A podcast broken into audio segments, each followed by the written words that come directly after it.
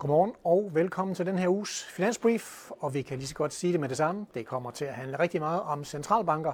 Det er nemlig en stor centralbankuge, selvfølgelig med den amerikanske centralbank mest i fokus, men, men der er rigtig mange centralbanker, der holder møde. Vi havde jo ECB i sidste uge med deres bløde renteforhøjelse, men nu kommer mere eller mindre resten af verdens Øh, centralbanker i den her uge. Men som altid skal vi jo lige kaste et blik i bagspejlet og se på, hvad er det for en uge, vi øh, går ud af. Vi har vores tabel her. Og vi ser, at globale aktier er jo altså i et, øh, i et lille plus. Øh, amerikanske for en gang skyld halter bagefter, og det er meget det, kan man sige, de fald, vi så i tech-aktierne i fredags hvor nogle af de store tech-aktier, de altså blev, øh, blev solgt fra i øh, USA. Det trækker altså samlet set USA ned for ugen.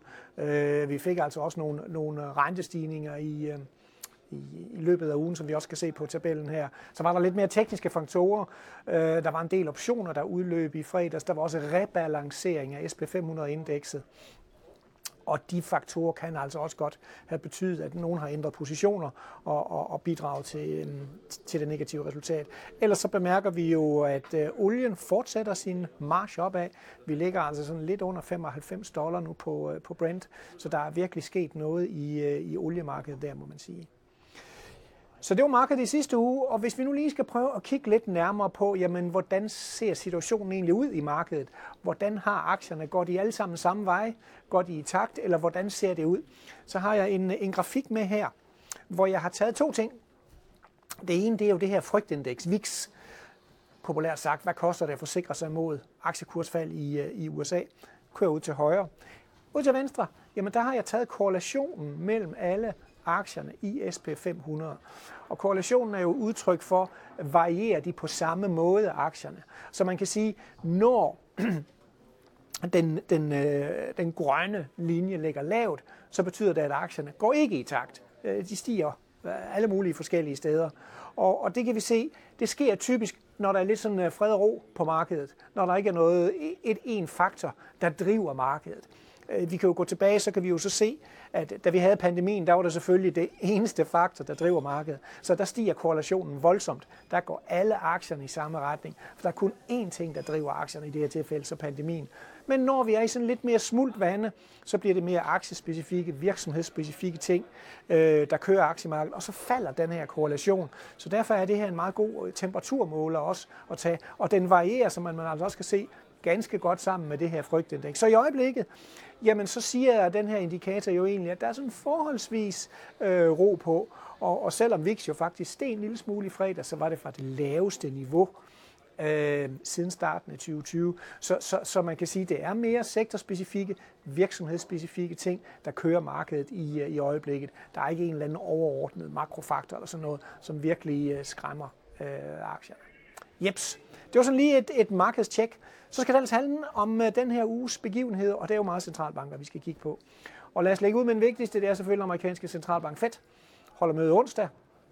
Og øh, ingen forventer en renteforhøjelse, så det er ikke det, der er det spændende. Det gør vi selvfølgelig heller ikke. Øh, men der vil være fokus på deres prognoser, øh, også på det her såkaldte dotplot, som viser, hvordan er komiteens forventninger til, øh, hvordan øh, renten skal være, centralbankrenten skal være. Der kommer også en vækstprognose, og der kommer en inflationsprognose. Vi regner egentlig med, at Fed stadigvæk i deres prognose, deres dotplot, vil lægge op til, at der godt kan komme en renteforhøjelse til i 2023. Men der nok også er mere uenighed i komiteen. Man er ikke så enige mere. Øh, dem, der, der gerne vil have en renteforhøjelse, de vil sige, prøv at se her på væksten, den er stadigvæk robust. Dem, der siger, nej, vi stopper her, øh, de vil jo pege på, at de sidste tre måneder har vi haft en ret moderat prisudvikling, og, og, og det gør så, at de egentlig skulle være færdige med at hæve renten. Vi forventer jo ikke flere renteforholdelser fra Fed, og øh, når vi så kommer hen i maj 2024, forventer vi den første rentenedsættelse, når den amerikanske vækst er, er under, der ligger underdrejet der. Øhm, Paul har jo selv sagt, at der i hans øjne er to ting, der kan retfærdiggøre, at man skal hæve renten. Dels, at væksten kommer til at ligge pænt over det normale, og dels, at arbejdsmarkedet øh, ikke bremser nok op. Øh, det er to af de ting, der kan få i hvert fald frem til at sige, så må vi altså have renten øh, højere op. Men, men øh, der vil være super meget fokus, som sagt, på preskonferencen, og så på de her prognoser og det her dotplot, der kommer, øh, der kommer onsdag. Så har vi altså også lige nogle, øh, hvad skal vi sige, nogle almindelige nøgletal, fordi vi har de første kig på øh, septembers nøgletal. Og det er jo PMI'erne, de her flash-PMI'er, konjunkturbarometrene, der kommer. De kommer mere eller mindre for hele, for hele verden. Men vi har jo især fokus på de europæiske, fordi det er dem, øh, ligesom markedet kigger på, og også dem, der har vist sig at, at, at være rimelig god til at fortælle om, hvordan økonomien har det. Og vi ligger jo altså under 50 der, både for industrien og for servicesektoren. Øh, vi har jo haft stigende oliepriser i den her måned, så vi kan godt se, at prisindekset, inputprisindekset, det er altså steget lidt. Men ellers så forventer vi nogenlunde sådan en stabilisering i de her PMI-indeks, men jo altså under, under 50-niveauet. Det bliver spændende at se, om, om, om servicesektoren kan rette sig lidt efter, efter det rimelig markante tyske fald, vi så i, i sidste måned. Men, men, men klart, kæmpestor fokus på, øh, når de her PMI'er kommer, fordi de er de første bud på, hvad har økonomien gjort øh, i september. Endelig, så er jeg til sidst, jamen, jeg sagde, der er mange centralbanker, og, og det er der jo altså også. Øh, Norge, Sverige, Storbritannien, alle steder forventer vi en renteforhøjelse.